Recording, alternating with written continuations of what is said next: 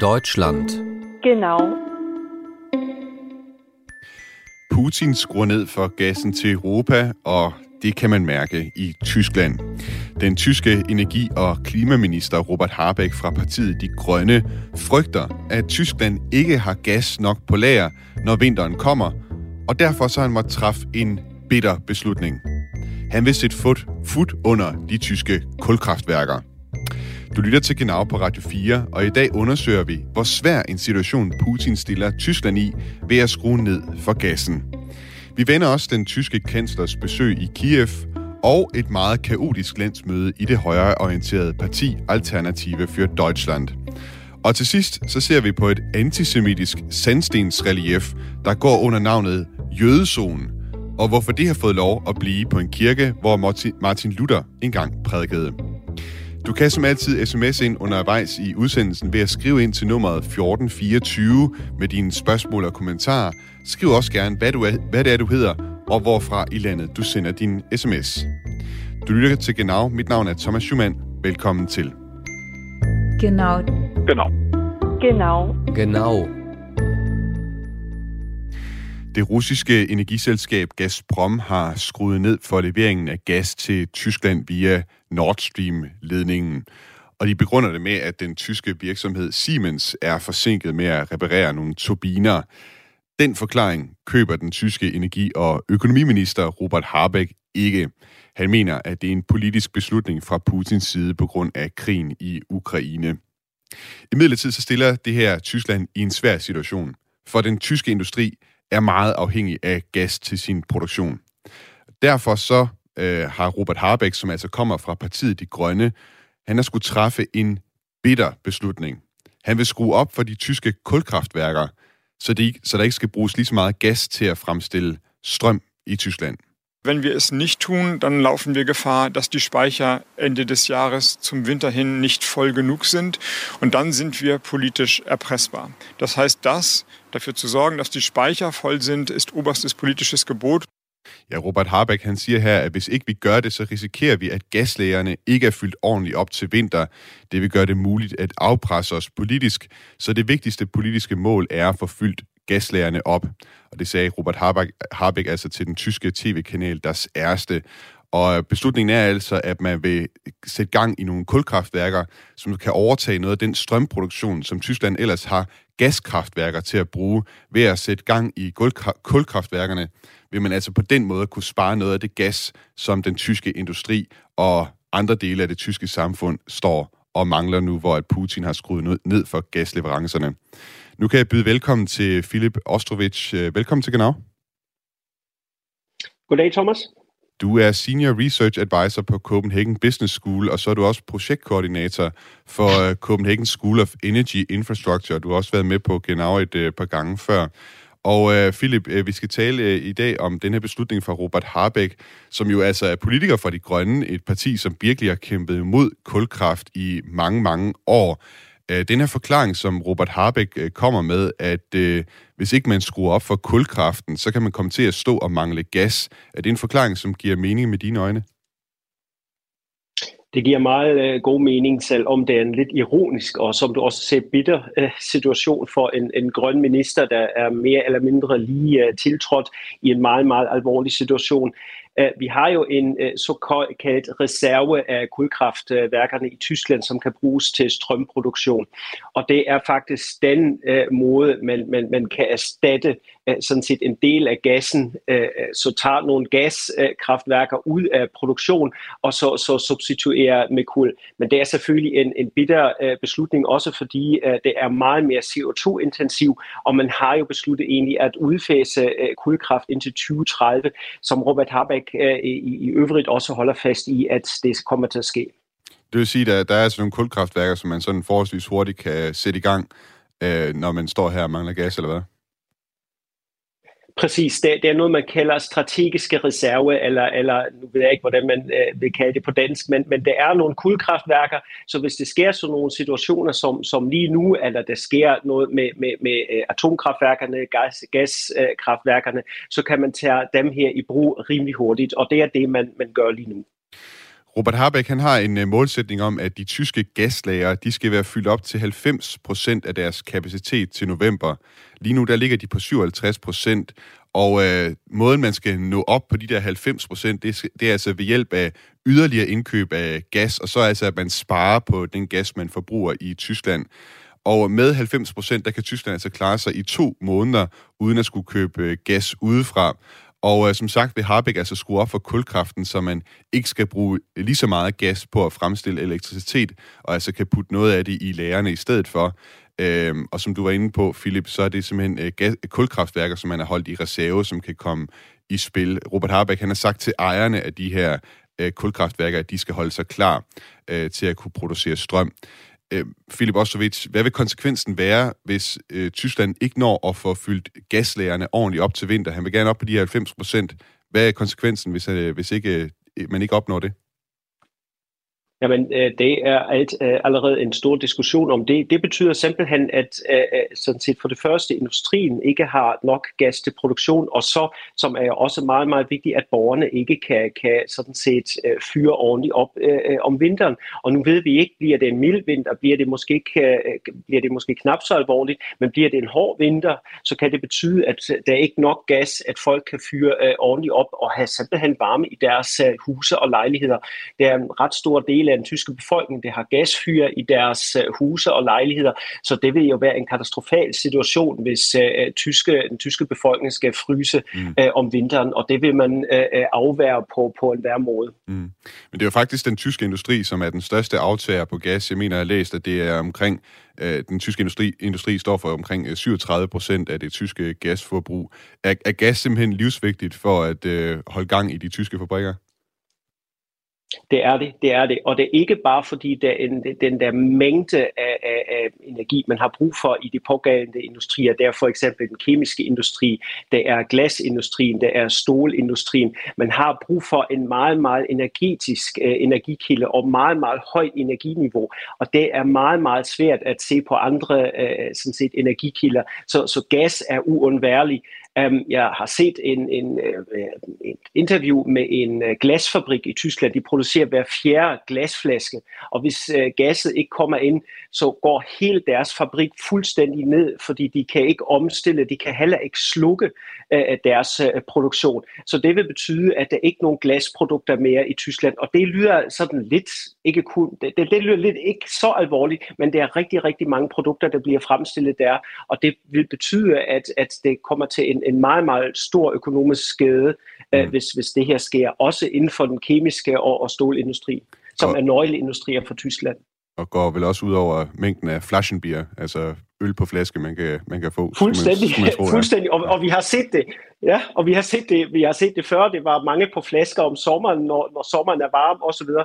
Altså det, det er jo bare en, en mindre sådan set skade eller en, en, en, en mindre alvorlig, men, men, men det her det er meget meget alvorligt for den tyske øh, økonomi.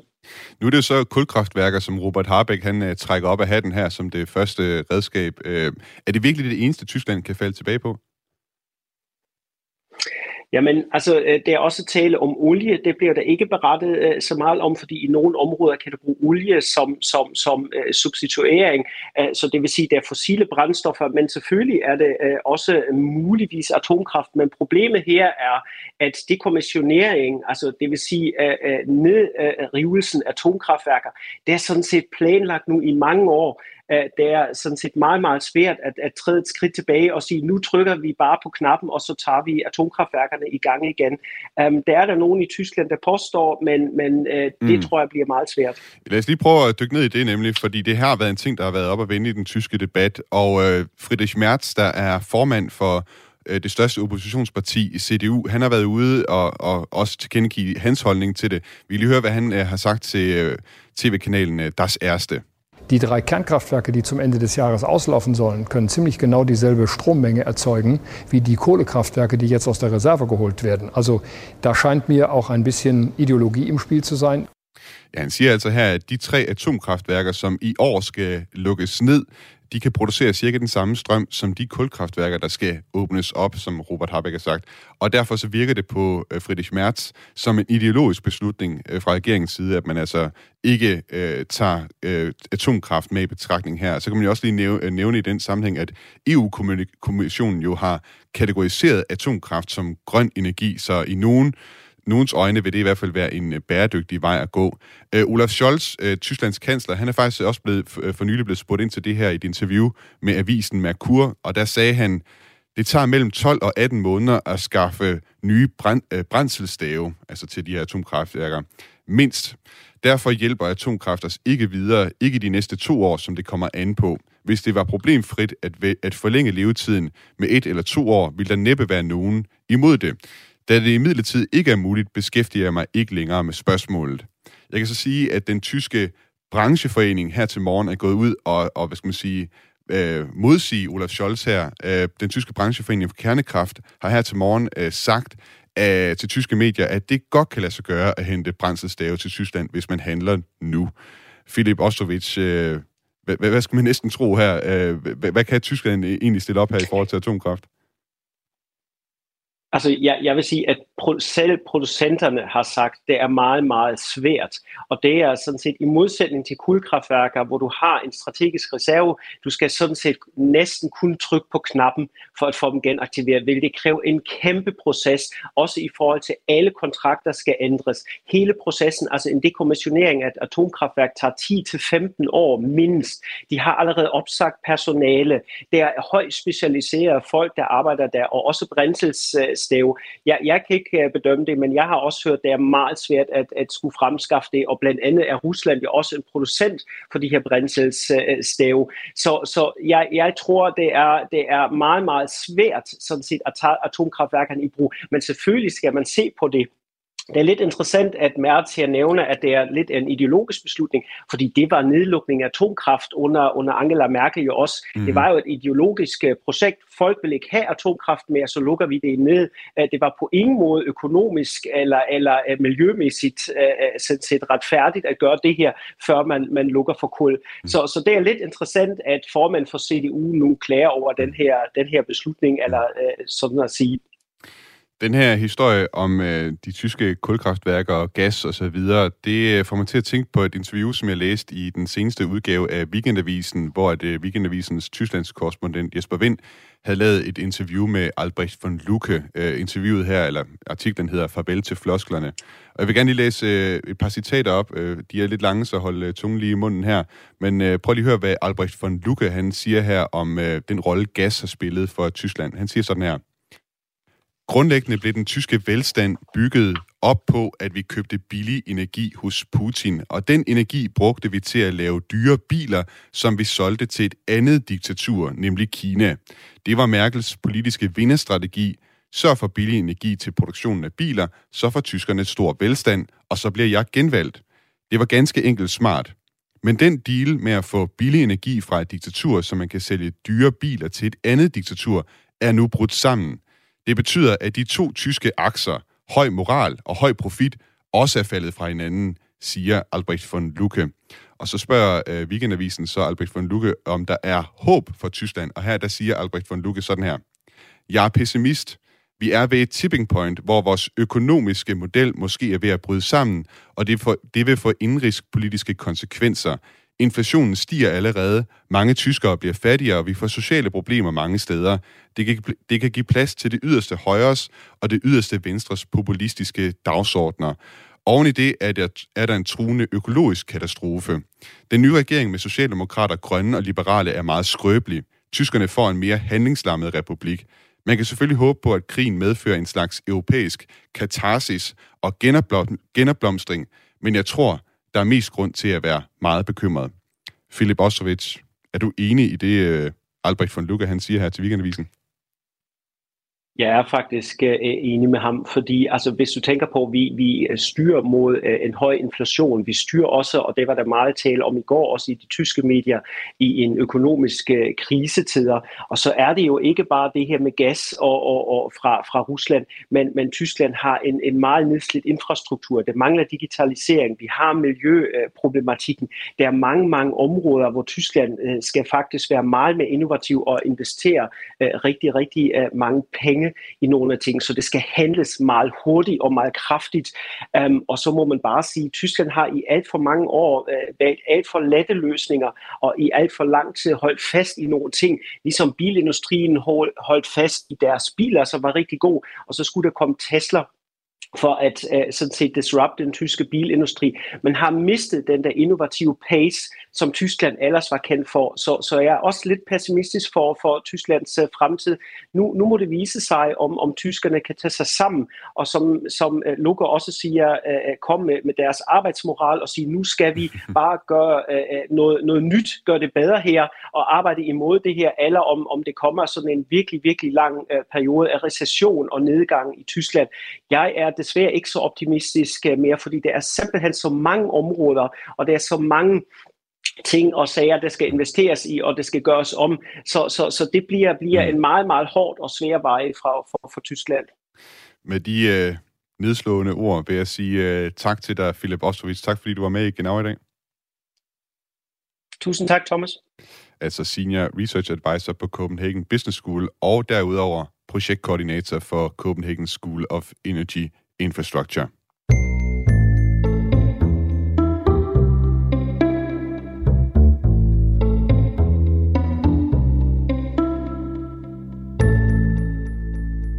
I sidste uge tog et billede af tre europæiske ledere på langfart mediedagsordenen her i Europa. Billedet forestillede Tysklands kansler Olaf Scholz, Italiens premierminister Mario Draghi og Frankrigs præsident Emmanuel Macron på et tog. Destinationen for det her tog var Kiev, hvor de tre europæiske ledere skulle mødes med den ukrainske præsident Volodymyr Zelensky.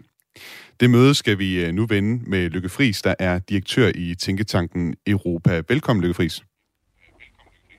Tak skal du have. Du er med, fordi vi altså skal vende øh, blandt andet det her besøg i øh, Kiev, og øh, der var stor opmærksomhed om øh, det her billede, der i sidste uge altså fortalte historien om Tysklands kansler Olaf Scholz og Mario Draghi og Emmanuel Macron på vej mod Ukraines hovedstad Kiev. Hvad var formålet med, med den her rejse?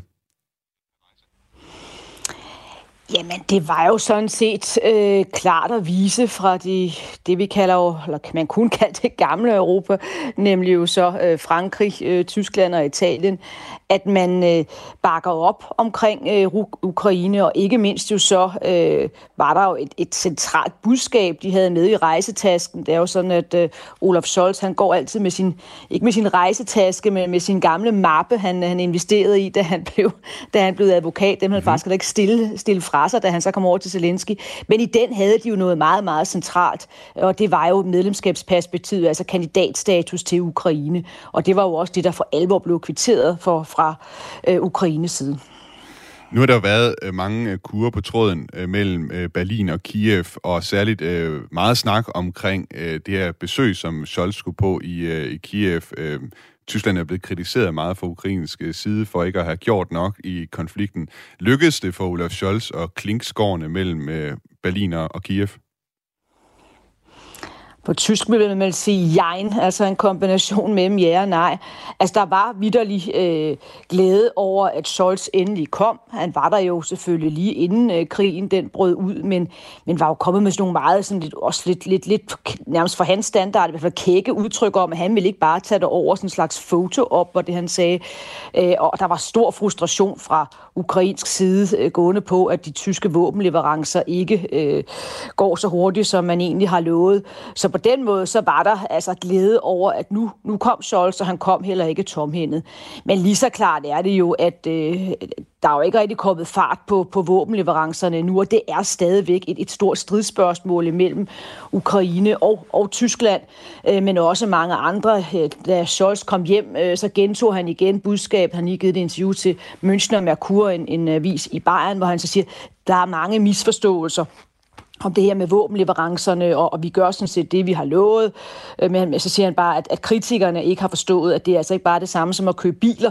Øh, det er noget helt andet, når man skal have fat i våben og levere dem til Ukraine. Så det, så det er altså stadigvæk, kan man sige, et, et stridsspørgsmål. Så det er altså over på, på nej-siden i mit egen. Hmm. Nu, nu var du selv inde på de tyske medier, og hvordan de har fulgt op på det her. Hvad, hvad, hvordan har du oplevet, at der er blevet skrevet om det her møde øh, med Olaf Scholz i Kiev? Hvordan der er blevet skrevet om det i den tyske presse, i de tyske ledere og kommentarspalter? Jamen, jeg vil sige, altså først var der jo sådan en stor øh, ja, tilfredshed med, at nu tog han derover, og det, det, det, det var jo også et rygte, det kørte jo meget lang tid, øh, og, så, og så kom han derover, og da billederne kom frem, så var der jo også en fornemmelse, om nu skete der, der virkelig noget, da man så det togbillede. Men så synes jeg nu efter ret hurtigt, så kom der sådan et strid om, hvor, hvor han egentlig overhovedet havde, havde bidraget med noget nyt, øh, da han så var derover. Det er jeg så ikke helt enig i, må jeg så nok sige, for jeg synes det, at man fra tysk side nu øh, giver, øh, kan acceptere, at man skal give kandidatstatus til Ukraine, og det lyder jo meget byråkratisk. Men, men det betyder altså noget, for det, det betyder, det er jo så, at Tyskland simpelthen nu øh, siger på topmødet nu her øh, på torsdag fredag, at øh, man er med på, at Ukraine kan blive medlemmer af den europæiske union. Og se, det får jo så straks effekt også på andre lande. Det var jo ikke noget tilfælde, at da Scholz han var i Kiev, så gik der jo altså ikke mere end en få timer, så måtte Jeppe Kofod, den danske udenrigsminister, jo også melde over for folkemødet, at, øh, at nu bakkede man så sandelig også op omkring kandidatstatus til Ukraine. Så når Tyskland rykker sig, så ser man, at så begynder så også nogle af, af skeptikerne så at rykke sig, og Holland har jo så også rykket sig. På den måde, så havde det altså en betydning. Og han turde ikke tage det over, uden han havde noget med, fordi så var han jo altså blevet fuldstændig kritiseret sønder og sammen, ikke kun i Ukraine, men også i tysk presse. Mm. Vi skal også lige vende en øh, anden historie, udover det her besøg, som Olaf Scholz var på i Kiev, fordi øh, nu jeg har dig med, øh, Lykke Friis, så øh, kan vi nærmest ikke komme udenom, at en af dine øh, tætte kolleger i øh, Venstre jo er gået bort. Øh, vi skal nemlig runde, at Uffe Ellemann Jensen øh, ikke er med os længere. Han gik bort her i weekenden, 80 år gammel. Og øh, grunden til, at vi her i Genau også tager med øh, i udsendelsen er, det er simpelthen fordi, at Uffe Ellemann Jensen jo var Danmarks udenrigsminister, da Berlinmuren faldt, øh, og der er blevet skrevet europæisk historie. Og øh, jeg har bemærket, at du, øh, Lykke Friis, på Twitter skrev, at han spillede en stor rolle efter murens fald. Hvilket eftermæle efterlader Uffe Ellemann Jensen sig i Tyskland? Jamen det er noget, man også øh, bemærker sig i Tyskland, at, at Uffe Ellemann ikke længere er, er blandt os. Der har været øh, portrætter i adskillige øh, tyske aviser, blandt andet Frankfurt og Allgemeine, den, den store tyske avis.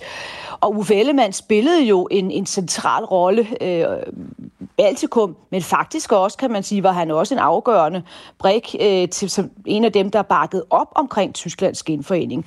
Og der var det jo sådan, øh, at øh, lige da muren var, var faldet, øh, der hed den danske statsminister jo Poul Slytter, øh, og han øh, deltog så i et øh, tv-program, jeg husker det ret tydeligt, det var jo så, hvad hedder det her, Højlunds forsamlingshus, og gav så udtryk for, at øh, han sådan set ikke var tilhænger af Tysklands genforening. Og det var jo så også, kan man sige, den, den, den sønderjyske stemme, kan vi jo godt sige, fordi Poul Slytter jo var, var fra Sønderjylland. Mm. Så han lagde sig altså på, den, på skeptikerfløjen sammen, jo så også med Margaret Thatcher på det tidspunkt den daværende britiske øh, jo så statsminister, premierminister, det var ud for devisen, jeg elsker Tyskland så højt, vi skal have to af dem. Og hvad gjorde så landets udenrigsminister Uffe Ellemann Jensen på det tidspunkt? som, som han har sagt, da jeg spurgte ham, hvad han så gjorde. Jamen, så jeg, jeg gik bare ud og sagde det modsatte. Og det må man jo ikke gøre særlig tit, men det gjorde det. Og det var virkelig noget, der blev bemærket. Når man læser Helmut Schmidt, altså den tidligere vesttyske kanslers memoirer, så blev det her jo nævnt Danmark som skeptiker. Og så var det så Helmut Kohl, han var jo meget, meget sådan en type, han kunne jo huske som en elefant. Han huskede simpelthen Uffe Ellemann, der så gik ud øh, og bakkede Tysklands genforening op. Og nu vil det være for meget så at påstå, at det var derfor, at Danmark fik undtagelserne øh, på Edinburgh-topmødet så i, i december 1993. Men lur mig, om det ikke spillede en rolle. Der Uffe, han var simpelthen en front øh, Deutschland, som man siger. Øh, så derfor så også på det punkt, øh, så spillede Uffe en, en, en afgørende rolle. Helt kort her til sidst, Lykke Friis. Har der været nogle prominente kondolencer fra Tyskland, ligesom vi har set, der har været fra toppolitikere øh, i store dele af Baltikum til Uffe Ellemann Jensen? Nej, det har jeg ikke set. Øh, nu kan man så sige, nu var Uffe jo så også liberal, øh, så det er jo FDP, man primært der skal kigge efter. Men hans nære, nære, nære ven, Hans de Genscher, som han jo kørt parløb med i jeg var lige ved at sige årtier, men det var dog en overdrevelse, men, men de var dog venner i årtier. Mm. Han, han døde jo for nogle år siden, så, så i forløbet nej, men jeg skal nok holde øje og smække det op, så er jeg sikker på, så, så, vil du holde, så holder du øje med mig. Så det, det har jeg. vi en aftale om. Det gør jeg i hvert fald. Lykke Friis, øh, tak fordi du vil være med igen i dag. Det var en fornøjelse. Grus aus Schwerin, Mecklenburg-Vorpommern. Dankeschön. Altså direktør i Tænketanken Europa.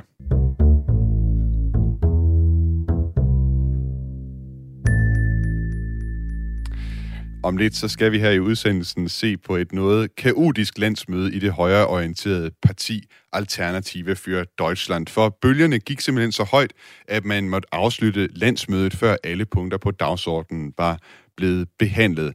Og det skyldes øh, særligt en konflikt, der er mellem det højere ekstreme, den højere ekstreme Bjørn Høgge og så partiets ledelse.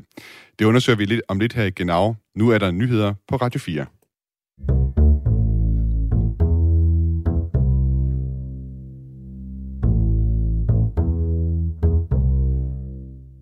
Det højreorienterede parti Alternative für Deutschland måtte i weekenden afslutte deres landsmøde før tid, fordi bølgerne simpelthen gik for højt. Vi undersøger, hvad der splitter partiet, og senere så skal vi også til den østtyske by Wittenberg, hvor der hænger et antisemitisk relief på en middelalderkirke, som har fået lov at hænge af den tyske forbundsdomstol. Du kan som altid sms ind undervejs i programmet ved at skrive ind til 1424 med dine kommentarer og spørgsmål. Skriv også gerne, hvad du hedder og hvorfra i landet du sender din sms. Mit navn er Thomas Schumann, og du lytter til Genau på Radio 4.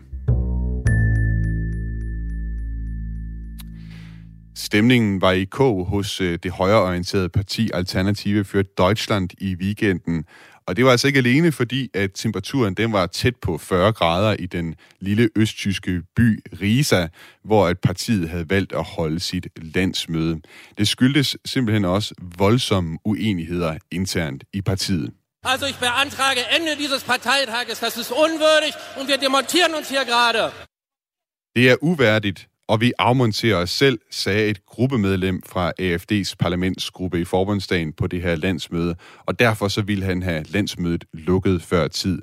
Og det var også sådan, det gik. Et knapt flertal af de delegerede stemte for at lukke landsmødet, før at alle punkter på dagsordenen, på dagsordenen var behandlet. Christoph Arndt, velkommen til Genau. Velkommen til Genau. Ja, velkommen. Godmorgen. Du er lektor i komparativ politik ved Reading University og tidligere konsulent for AFD i Forbundsdagen. Og øh, Kristof, øh, jeg ved også, du fulgte med i det her landsmøde, og mit indtryk af landsmødet, det var, at partiets to formænd, der er simpelthen en formandsduo øh, i AFD, de hedder Alice Weidel og Tine Ropalla, at de var meget oppe imod politikeren Bjørn Høgge, som er en politiker fra AFD i Thüringen, der står for en meget, meget sådan højreorienteret retning i partiet. Og de øh, ledelsen i partiet har simpelthen meget, meget svært ved at forsvare deres linje over for Bjørn Høgge. Og for dem, som øh, måske ikke hører så meget om AFD til dagligt, kan du ikke kort forklare, hvem Bjørn Høgge er, og hvorfor han skaber så mange problemer for AFD's øh, to formænd og for ledelsen? Ja, Bjørn Høgge er som sagt formanden for AFD Thüringen, og som ja, nok en af de mest radikale, hvis ikke den mest radikale politiker også sådan ja, ret radikale krav, som Tyskland skal forlade EU med det samme. Og øh, det, handler, det, det her konflikt på øh, partikongressen handlede også om EU-politik og partiets øh, udenrigspolitik, hvor Høkke kom med sådan nogle ret øh, vilde krav omkring øh, Tysklands rolle i Europa og den der Ukraine-krig, som blev ikke betegnet som krig, men bare som konflikt. Og det gik imod partiets øh, linje, især bestyrelsens øh, linje. En af de ting, som det også øh, lykkedes øh, Bjørn Høgge, altså imod partiledelsens ønske, det var at øh, få fjernet en fagforening fra den liste, AFD har lavet over organisationer, hvis medlemmer partiet ikke mener skal melde sig ind i AFD.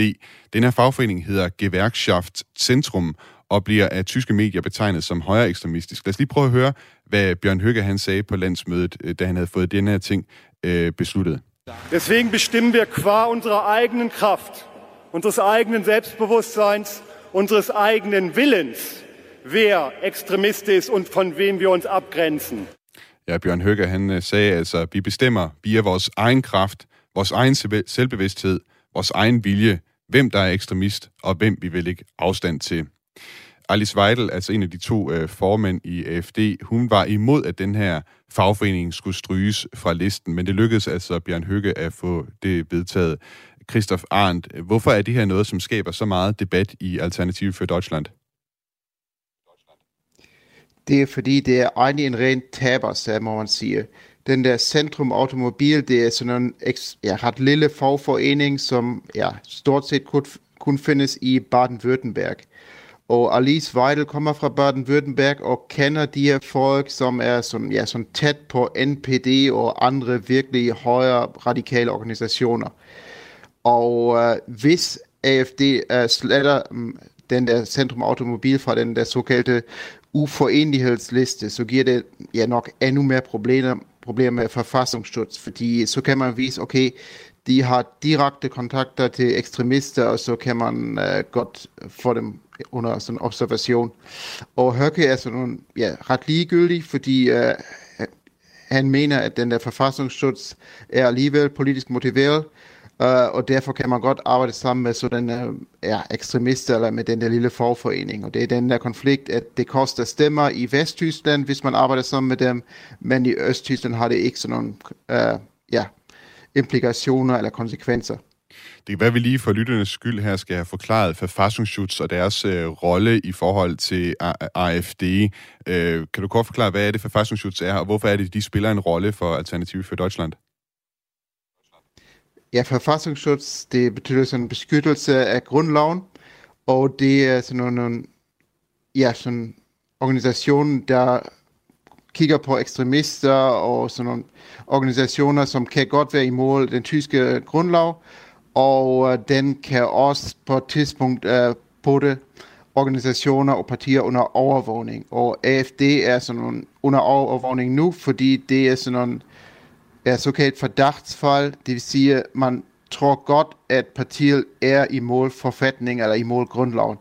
Og øh, det vil partiet undgå, fordi øh, det har været dødsdommel for øh, andre små partier tidligere. Hvis de er kommet under overvågning, så var de typisk færdige, ligesom republikanerne i 90'erne det er jo simpelthen en, en statslig organisation. Det bliver også nogle gange kaldt øh, en efterretningstjeneste i, øh, i en dansk øh, oversættelse, som altså, ja, på grund af den tyske historie er inde og sådan kigge på partier og organisationer osv., som, øh, som man vurderer, om de, øh, om de arbejder imod den tyske øh, grundlov, og det har været en, meget, en debat, der også ligesom har præget AFD. E, en af de debatter, der også var øh, på landsmødet øh, her i weekenden hos øh, AFD, det var et forslag fra Bjørn Høgge, altså som sagt formand for AFD i Thüringen, han havde et forslag om en ny europapolitik, hvor i der står, at man øh, skal orientere sig imod Rusland, og hvor krigen i Ukraine ikke bliver nævnt, men i stedet omtalt som Ukraine-konflikten. Øh, I forslaget der står der også, at man skal arbejde for en opløsning af EU, ikke bare at øh, Tyskland simpelthen skal ud af EU, men simpelthen at man også skal arbejde for at at, hvad hedder det, at opløse EU som, som organisation. Øh, Christoffer Arndt, hvad var det ellers øh, på det her landsmøde, som, som fik stemningen til at, til at køre over? Ja, det var det mest den der motion fra Høkke og uh, sine partnere fra de andre østtyske delstater. Um, der var ved tidligere øh, uh, landsdage, var der lignende som krav fra Høkke med opløsning af EU, uh, øh, som blev betragtet som ret problematisk, og uh, den der motion uh, gjorde det endnu værre, fordi den ja, genopleve den der konflikt mellem vestlige delstater og østlige delstater, og der findes en del delstatsvalg i vestlige delstater over de næste måneder, hvor det koster, eller hvor det nok koster stemmer med at melde sig ud af EU med det samme, eller opløse EU, og at have den der pro-russiske position, som Høgge har. Jeg har faktisk taget nogle af de tyske avisers øh, reaktioner på landsmødet øh, fra i mandags med, og hvor vi også kommer ind på den her forskel, der er på øh, AFD i Vesttyskland og Østtyskland. Lausitzer Rundschau, det er altså en avis fra byen Cottbus, de skriver, at selvom der i AFD ikke er et flertal bag Høgge som en mulig formand for partiet, så vil det fremover være svært, svært for partiet at gå imod hans vilje. Og så skriver avisen, og jeg citerer, hvis valgresultaterne bliver ved med at være dårlige, vil Høgge gribe til magten om to år. Christoph Arndt, øh, er du enig i den øh, analyse? Det er i hvert fald en mulighed, fordi um, til øh, spiller jeg for Høgge, fordi øh, hvis man kigger på medlemsudviklingen i AFD, så tabte de sådan 9.000 medlemmer, men også vandt sådan 5.500 medlemmer. Og hvis man lytter sådan til sådan nogle vesttyske delstatspolitikere, så er det sådan en udvikling, at uh, sådan nogle middelklassen uh, forældrepartiet og sådan nogle, ja, man kan sige underklassen uh, bliver medlem. Og det uh, gavner især Høkke, fordi han taler til den der segment. Um, det vil sige, at partiet bliver mindre borgerlig, mindre vesttysk og mere sådan nogle, ja, man kan sige, pøbelagtig østtysk parti. Og uh, det betyder også, at de delegerede på de her der, de afspejler den der proces. Fordi uh, hvis man kigger nu på de her valgresultater, Meutenfløj, og Meutenfløjen tabte alle afstemninger, og uh, Flygel, det vil sige Høkkelsfløj, Høkkelsfløj tabte de, uh, vandt de fleste afstemninger, og det afspejler i hvert fald efter min vurdering uh, den der skiftende medlemskab, og at uh, medlemskabet drejer sig mere og mere i Høkkes regning, så at han kan prøve at gribe efter magten om to eller fire år, uh, hvis, ja, hvis hele udviklingen fortsætter, og man kan beskylde Kruppalla for alle de her valgnederlag, som kommer i de næste måneder, hvis ikke stemningen uh, drejer sig.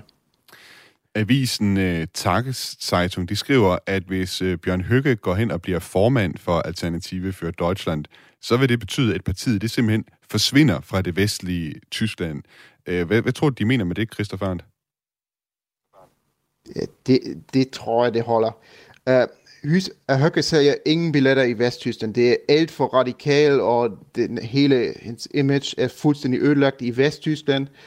Og øh, ja, hvis det nu går i den der retning, så bliver den, den såkaldte Lega Ost eller Øst. Uh, det vil sige et parti, som står stærkt i Østtyskland, men er stort set forsvundet i Vesttyskland. Ligesom den der gamle Lega Nord i Italien, som kun vandt stemmer i det nordlige Italien, men ingen stemmer i det sydlige Italien. Og ja, man frygter, eller, eller ikke frygter, men man spekulerer på en sådan udvikling, hvor de østlige delstater holder deres øh, vælgerchance, mens øh, ja, mm. de vestlige taber den, hvis øh, Høgge bliver sådan mere magtfuld og øh, får mere og mere indflydelse inden for partiet. Hvad er det, der gør ham så uspiselig i Vesttyskland, og omvendt, hvad er det, der gør, at han er så populær i, i det østlige Tyskland? I Østtyskland findes simpelthen mere, eller flere protestvælgere, øh, som vil gå efter sådan nogle radikale krav, og Høgge har lavet sådan nogle diverse taler og interviews, som gjorde ham fuldstændig uspiselig. Det er altid den der, uh, ja, referencer til det traljeriet, som ikke fanger i Vesttyskland, hvor det betragtes som ekstrem eller i, i mindst pinlig, øh, mens det koster ikke så mange stemmer i øh, Østtyskland. Og det var især den der tale i Dresden for fem år siden, øh, hvor han skabte sådan en opmærksomhed, og øh, hvor forfatnings- og forfattningsstyrelsen øh, for første gang rigtig øh, begyndte at kigge på partiet, fordi det ble, blev betragtet som øh, øh, ja, revanchistisk øh, og ja, ret problematisk retorik øh, fra en ledende politiker fra AFD. Stuttgarter Zeitung øh, lagde også mærke til, skriver så i midlertid øh, det modsatte, at der faktisk er et vælgerpotentiale i det meste af Tyskland for Alternative for Deutschland. Særligt hvis øh, partiet kan gøre inflation og forsyningspolitik til deres øh, mærkesager. Øh, Christoffer Arndt, er det her, altså på spørgsmål om inflation og forsyningspolitik, at AFD de kan komme ud og, og fange nogle stemmer, måske også endda i det vestlige Tyskland? Jeg tror, potentielle er der, men det, så skal man have det rigtige personale for at sælge det. Uh, man kan ikke fange de her vesttyske vælgere med folk som Krupalla, som ikke har nogen rigtig karisma, eller Høkke, eller andre folk, uh, som sidder nu i bestyrelsen, som Christina Baum, eller Martin Reichert fra Sachsen-Anhalt. Det er folk, som ikke sælger nogen billetter i Vesttyskland, selv om man kan prøve at fange vælger med inflation og forsyningspolitik. Uh, og her kan man også sige, eller konstatere, at uh, de vandt jo ingen vælger uh, på grund af deres uh, covid-politik og andre ting, altså den der Rusland-politik. Det vil sige, uh, de hældte sådan nogle 12-13 procent før, og nu er de ni, ned på 10-11 procent. Uh, og det betyder, at uh, i hvert fald netto vandt de ingen vælger med deres nye positioneringer, og jeg tror, det samme gælder for forsyningspolitik at der er potentiale, men partiet er for radikal for at udnytte eller mobilisere det, det potentiale. Christoph Arndt, øh, tak fordi du var med i Genau i dag. Ja, selv tak. Altså lektor i komparativ politik ved Reading University og også tidligere konsulent for Alternative for Deutschland i den tyske forbundsdag.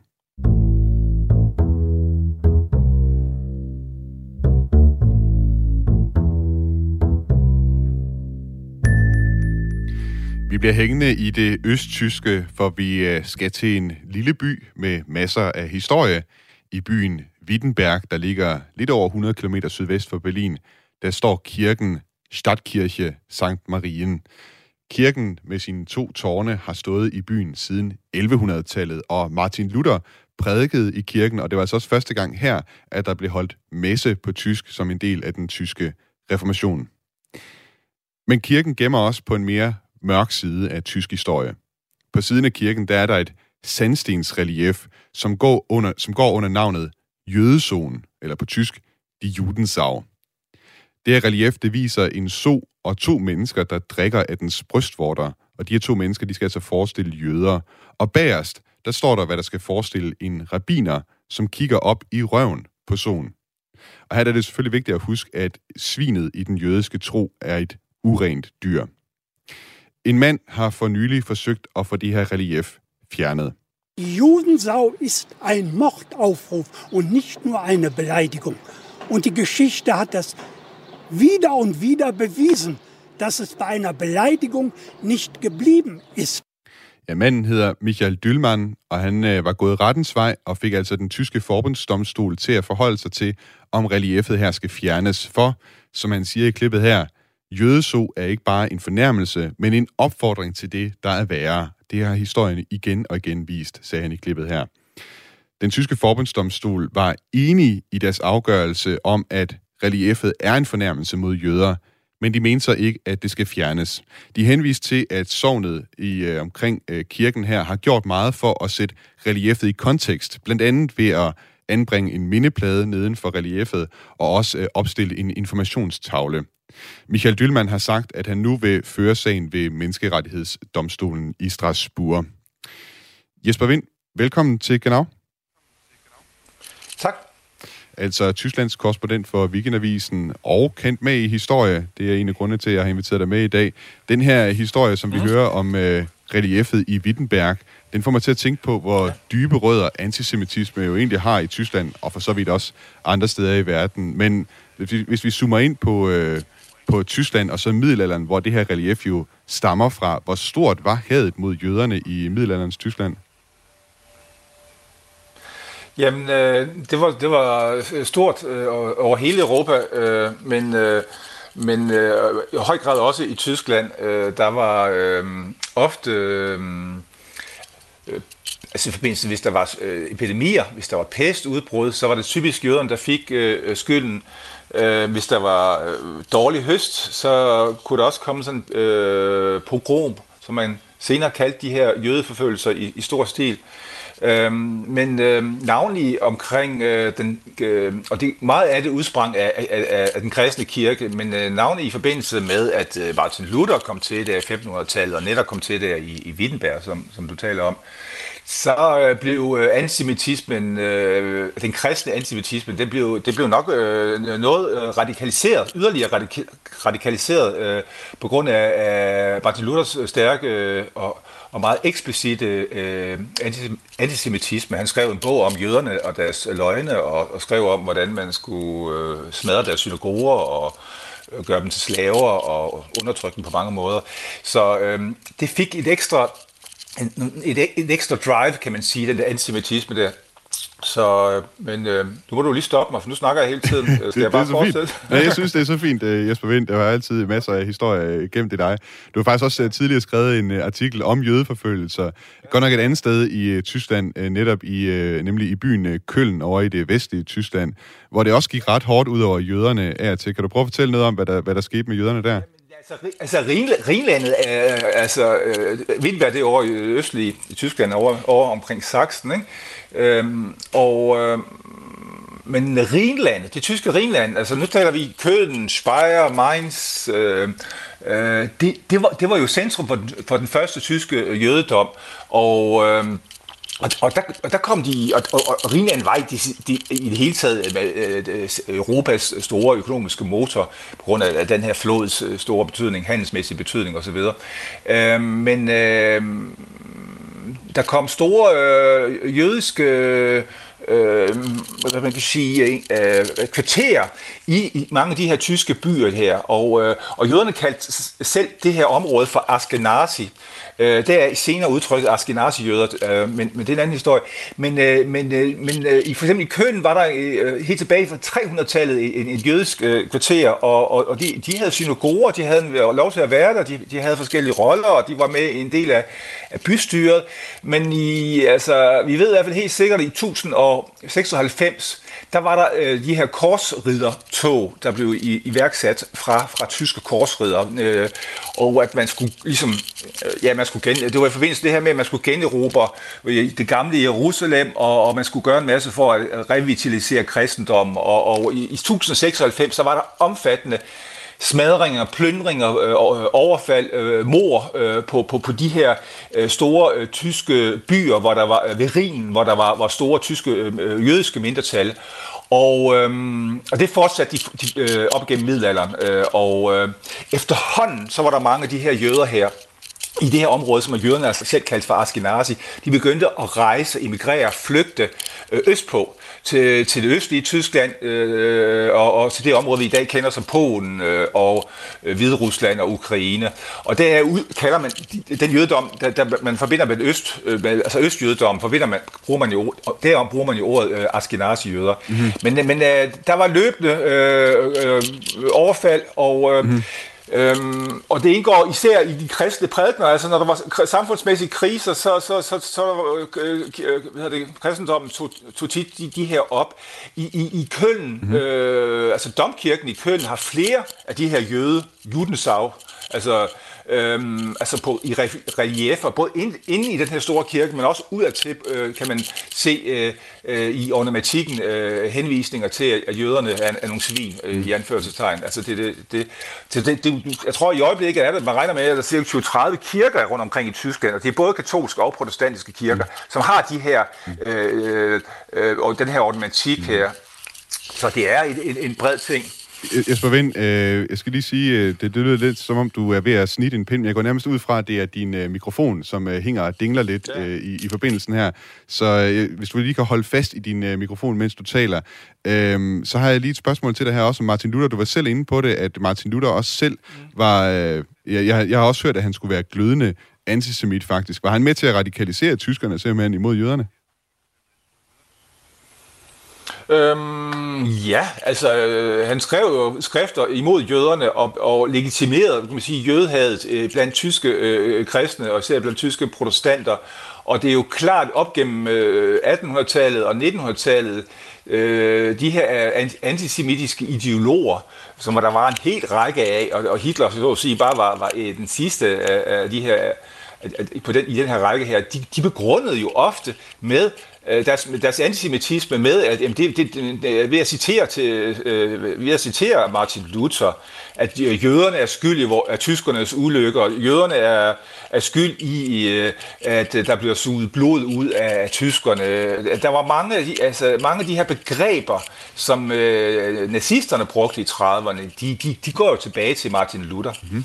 Der findes også et historisk, øh, omstridt historisk værk, altså, øh, hvor man siger, øh, der, der findes en bog, der, der blev udkommet efter 2. verdenskrig, der hedder fra, fra, fra, fra, fra Luther til Hitler. Ikke? Det er måske en lidt dristig og vidtgående tolkning at give Luther skylden for, for holocaust, men, men, men det er, kan man sige, det er en diskurs, der er der, og, og der er der noget at kigge efter der.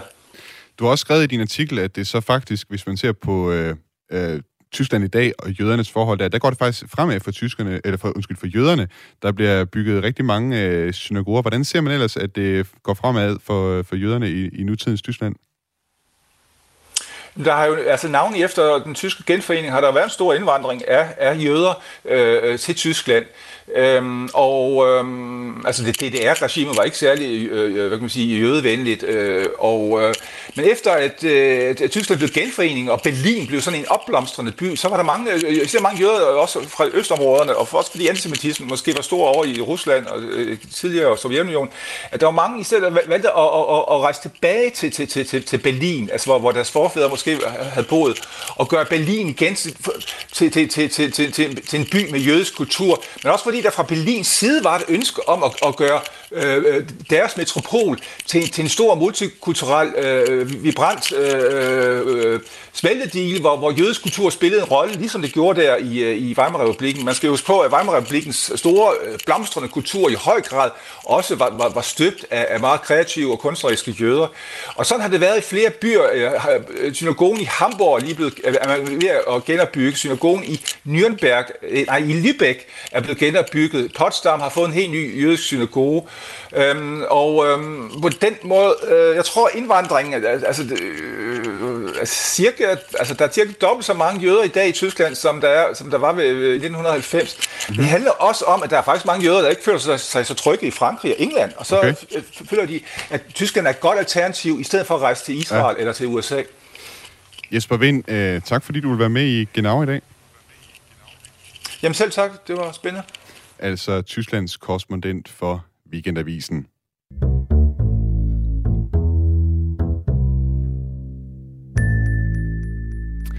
Du har lyttet til Genau på Radio 4, som er tilrettelagt af Niklas Erbilor Dein, redaktør af Camilla Høj Eggers. Mit navn er Thomas Schumann. Hvis du kan lide Genau, så vil jeg anbefale dig at downloade Radio 4's app og tryk på følg ud for Genau, så får du alle episoder. Og hvis du nu øh, selv er sådan en, der kender folk, der godt kan lide Tyskland, men som ikke har hørt om Genau endnu, så vil jeg da anbefale dig at anbefale det til en ven. Det vil gøre mig rigtig glad, så at der er flere, der kan høre lidt om Tyskland hver tirsdag her på Radio 4. Du kan som altid også skrive til mig på genau-radio4.dk. Og øh, indtil da, indtil vi høres ved igen, auf Wiederhören.